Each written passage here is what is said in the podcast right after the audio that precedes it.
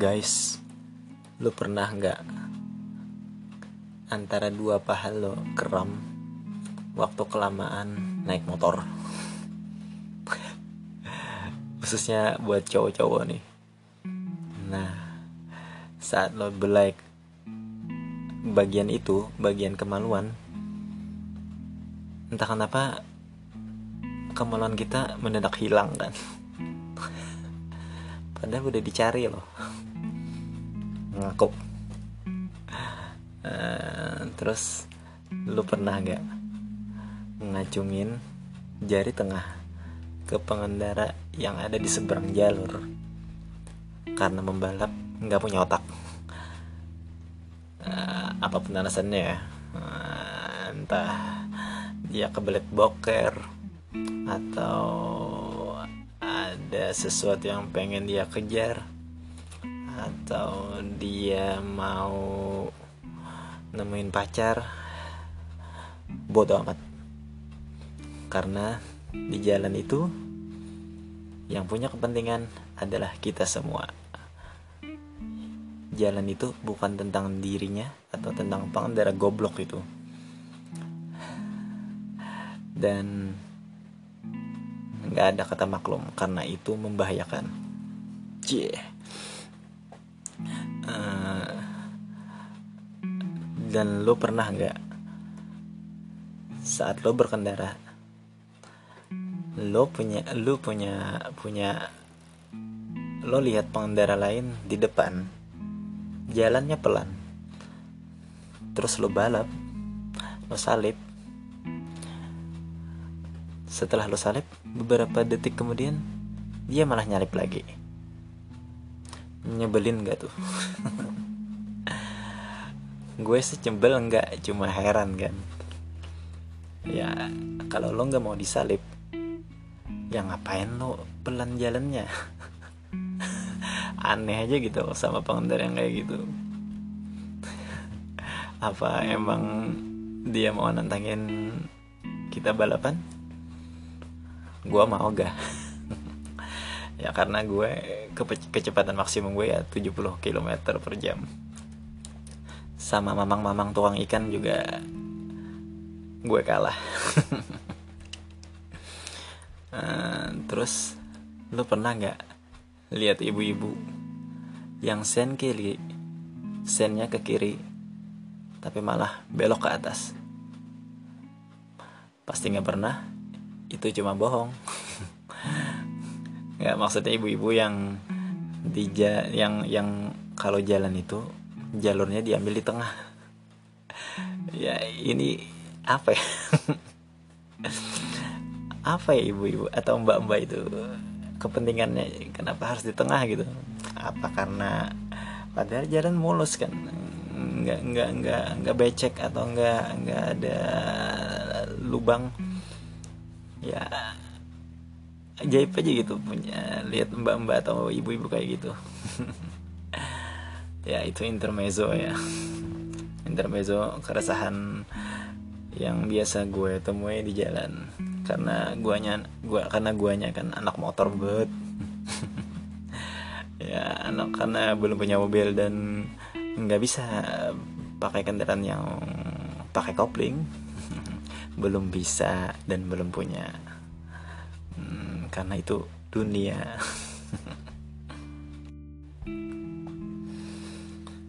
Hmm, meniru itu wajib. Ya wajib. Bahkan saat lo ujian meniru itu wajib. Kenapa? Karena nabi juga meniru. Buktinya nabi sholat diajari jibril. Dan itu valid bro. Jadi apa kabar?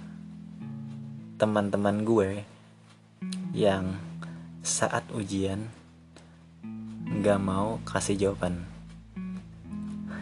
Pasti hidup lu biasa-biasa saja. Paling jadi PNS ya gue ngerti sih. Uh, kalau lo itu belajar dalam hati lo kan enak aja gue yang capek ya gue yang capek-capek belajar. Dan lo malah uh, enak-enaknya minta jawaban sama gue. Ya gue ngerti.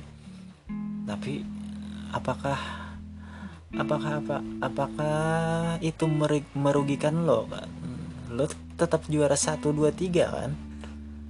Ranking 1 2 3 kan? Uh, nilai lo atau IPK lo masih tetap tinggi kan nggak ada ruginya kok kalau itu. Anggap aja sedekah. Ya uh, pasti saat sekolah atau saat kuliah hidup kalian biasa-biasa saja ya. Circle pertemanan lo itu itu saja ya. Dan orang yang suka sama lo itu itu saja ya. Ya bercanda bercanda uh, itu pilihan kayaknya. Dan ya gue harus berdamai dengan pilihan orang. Dan itu yang berusaha gue tekankan dalam prinsip gue. Dalam berteman atau dalam bergaul. Kembali ke meniru itu wajib tadi ya di di di pesantren dulu karena gue pernah kurang lebih dua tahun masuk masuk pondok pesantren ya. Uh, kayaknya itu nggak berlaku deh kalau nggak saling meniru itu. Ya uh, bahkan ada yang guru-gurunya malah menyuruh meniru dan berbagi sedikit ya. Dan ternyata hikmah dari dari dari guru yang menyuruh meniru itu atau malah membuka kitab itu kan biasanya santri itu atau sebagian santri itu kalau ujian kan membawa kitab. Kalau kalau istilah kuliahnya atau istilah sekolahnya kerpean ya. Eh, kitab itu kan mulia kan. Eh, kalau kalau lagi ujian otomatis kitab itu pasti ada di bawah kalau nya anu kalau ujian. Jadi agar para murid atau para atau para santri nggak nggak kualat sama kitab atau demi menjaga adab terhadap kitab. Jadi itulah hikmahnya guru-guru itu menyuruh open book saja atau buka kitab aja atau meniru saja. Gitu uh, dan selama dua tahun di pesantren menurut gue gue nggak akan bisa temuin adab-adab nyeleneh uh, terhadap apa ya terhadap seseorang atau guru-guru yang mengajar di sana. Ya dan nggak akan lo temuin di pendidikan formal. Uh, misalnya gue akan selalu cium tangan kepada orang yang lebih tua dari gue. Lebih-lebih itu waktu lebaran. Dan lebih-lebih itu dengan orang tua teman-teman gue. Gue entah kenal apa enggak atau atau berpangkat apa enggak. Yang pasti gue akan cium tangan. Tentunya momennya saat yang tepat ya kalau ketemu dengan orang yang lebih tua da dari gue. Terus nggak ada istilahnya. Lu lu nggak punya uang tapi lu nggak nggak makan. Nggak ada di di pesantren itu. Atau uh, tapi gue dulu di pesantren diamnya di asrama sih. Uh, dan dan gue punya geng lah yang namanya blok B karena kami blok B itu terbentuk nggak sengaja dan kebetulan itu apa orang-orangnya dari gang yang kamarnya saling tetanggaan sama gue. Ya nggak ada istilah lo nggak makan walau lo nggak punya uang. Nggak ada. Itu yang melekat erat. Uh, dan di blok B itu yang paling gue inget ya kekeluargaannya karena apa ya berasa ber, berasa banget karena kita sama-sama jauh dari orang tua kan. Ya misalnya makan itu biasanya bareng atau merokok itu bareng. Nggak nggak peduli merek atau nggak peduli apa. Emang sih ada beberapa yang nggak bisa ngisep rokok, rokok murah. Tapi itu hanya sebagian aja kan ya maklum lah. Karena namanya juga anak santri. Hmm, apa lagi? Main main main main kita bareng atau ya dan nggak bisa dipungkiri juga kalau kita pernah berantem atau nggak saling tegur. Ya persahabatan pada umumnya lah. Terus kayaknya di blok B yang paling apa ya? Paling nggak alim itu gue sih. Terus yang paling nyeleneh dan aneh juga kayaknya gue. Uh, jadi untuk beberapa alasan biasanya orang nanya gini karena melihat kelakuan gue yang aneh ini atau yang jauh dari kata pesantren. Nah, biasanya orang-orang pada ngomong gini kelakuan lu gini ya? Emang pesantren gini ya? Lah gue sih dalam hati bilangnya gini sih. Kebetulan yang nanya gitu biasanya ya, gue tahu ya dan tanda kutip nih. Gue tahu orangnya misalnya misalnya suka mabok atau nggak sholat lima waktu. Pengen banget gue nyautin gini. Islam gini ya dan itu skakmat banget kan. Emang Islam gini? Emang Islam gak sholat? Uh, kenapa gue berani berargumen gitu? Uh, soalnya gue se, se apa se kampret kampretnya gue gue tetap sholat kok. Gitu sih. Tapi ya lah itu kembali ke kata-kata gue tadi kan.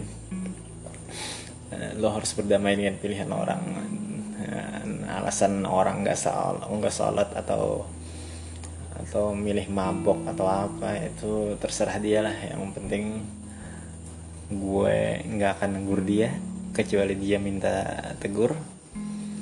Dan gue bukan nggak peduli sih kalau eh, di di di guru asrama itu eh, beliau lebih nyuruh mendoakan saja. Karena kan hidayah itu datangnya dari Allah. Itu sih kalimat bijaknya atau kata-kata bijak beliau yang gue inget uh, karena apa ya orang yang apa uh, ya orang yang rajin ibadah itu belum tentu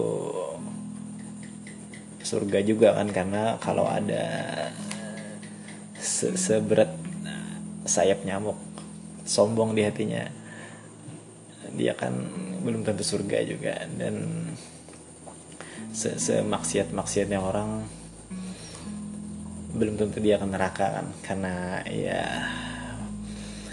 rahmat Tuhan itu lebih besar daripada murkanya. Ya udah anak pesantren kan gue kalau ngomong kayak gini dan gue kalau kalau apa ya, berteman di apa ya berteman di di di luar orang-orang yang tahu gue pesen pesantren itu gue sebisa mungkin gak ngaku kalau gue itu pesantren tapi ya gimana ya kayaknya kayaknya susah banget membawa nama pesantren itu. Misalnya ya gue gue nggak lulus gue nggak nggak nggak apa penampilan gak mencerminkan anak pesantren banget. Gue suka celana pendek atau gue suka kata-kata kasar. Uh, dan gue apa ya? Suka nyuit-nyuitin cewek. Ya kayaknya berat banget gitu kalau kalau gue harus harus ngaku-ngaku pesantren. Gue lebih suka dibilangnya anak-anak uh, anak apa ya? Anak anak apa ya? Serah lo dah gue nggak nggak bisa gue ngungkapinnya. By the way blok B itu orangnya sudah pada gede semua deh dalam artian sudah 20-an ke atas kayaknya. Dan sebagian ada yang sudah sukses ada yang udah punya anak atau ada yang ada yang merantau. Macam-macam lah. Ya biasanya sih slogannya gini uh, kita bertemu dalam doa aja kalau dulu setahun sekali itu biasanya ada buka bersama deh di bulan puasa. Ya walaupun nggak semua bisa hadir ya minimal kita kita apa ya kita kita ngumpul lah untuk mengenang-enang masa lalu. Padahal kisahnya itu itu aja sih. Kayak saling ngetawain apa teman cuma bawaannya kayaknya bawaan orang-orang orang-orang orang-orang yang jadi yang udah jadi om-om deh. Hmm, gue sih pengennya pengennya kalau di blok B ya khususnya ya.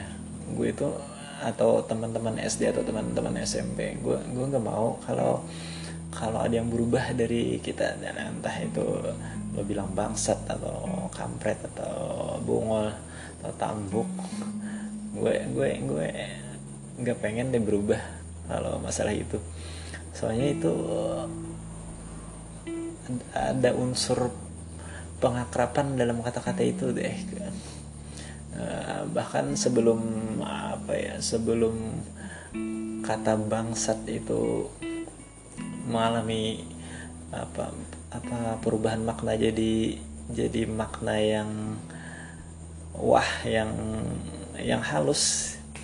Dulu kan bangsat itu kasar kan sekarang bangsat itu kayaknya formal-formal aja deh dibawa ke pertemanan.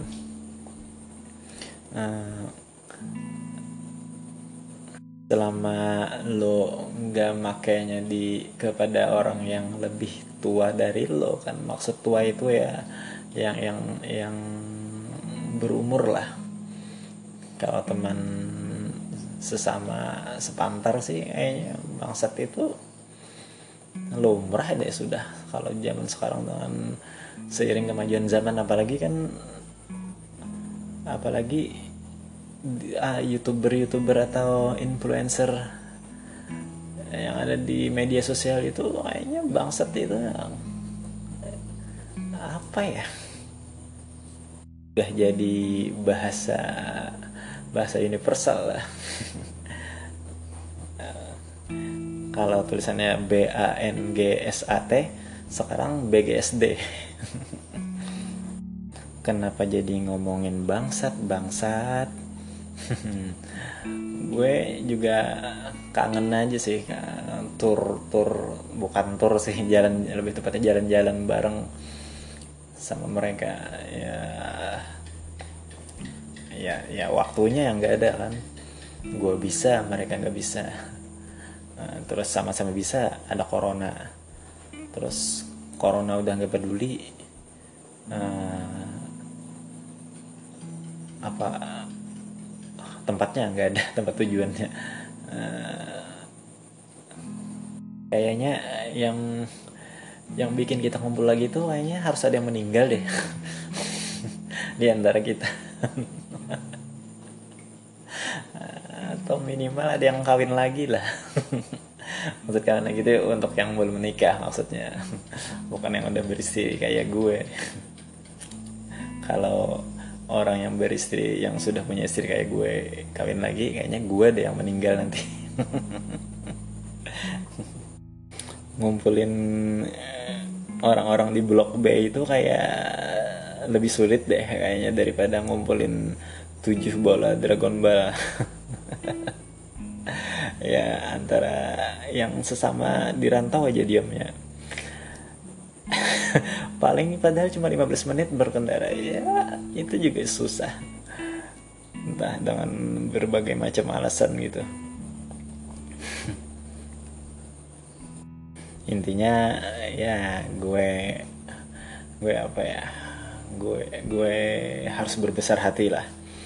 Uh, untuk untuk apa? Untuk menekan ego gue. Pengen kita tuh ngumpul-ngumpul lagi kayak dulu lah. Terima kasih untuk karakter yang kalian bentuk dari pertemanan kita. Untuk gue uh, gue banyak banyak berterima kasih aja. Kayaknya separuh dari diri gue terbentuknya di blok B deh. Hmm, dan dan dan gue gue akan akan menjadi gue yang sebenarnya ketika berkumpul dengan blok B. Ya walaupun orang-orang di blok B itu sebagian ya dalam tanda kutip berubah lah. Ya wajar kan memang makin tua kita. Nah, buat parit hancur budi. Ustadz Upe si Upik Hijaya dan Jabul Aci Paicong Dani Bala Edo Rija Huda Hadi Gabau Rehan Padli Ijur Engkong Junai uh, Isar Pahro Ahmad Pandahan Ahmad Babi Anang Banjar Inas uh, Pajri Rasyada si siapa? Si Playboy ya atau Om Anto Hasan Salim Burak Cabak. Aduh. Uh, apa ya siapa lagi ya? Ulat. Pokoknya yang yang ikut gabung di blok B yang ikut ikut share ke ikut pertemanan kami ya gue terima kasih banget. Ya walaupun ya cuma 20% kalian atau orang-orang blok B mendengar ini ya terima kasih. Itu aja ya, dedikasi buat kalian. Ya, masih masih banyak sih sebenarnya yang pengen gue ceritain tapi ya karena kita membawa bendera pesantren kalau ngomongin blok B ya gue nggak bisa ngomong banyak. Sebenarnya kayaknya pertemanan kita itu setara setara apa ya? Setara setara anak-anak K-pop lah. Tuhan nggak akan membawa gue sejauh ini hanya untuk ninggalin gue. Gue embong Ciao.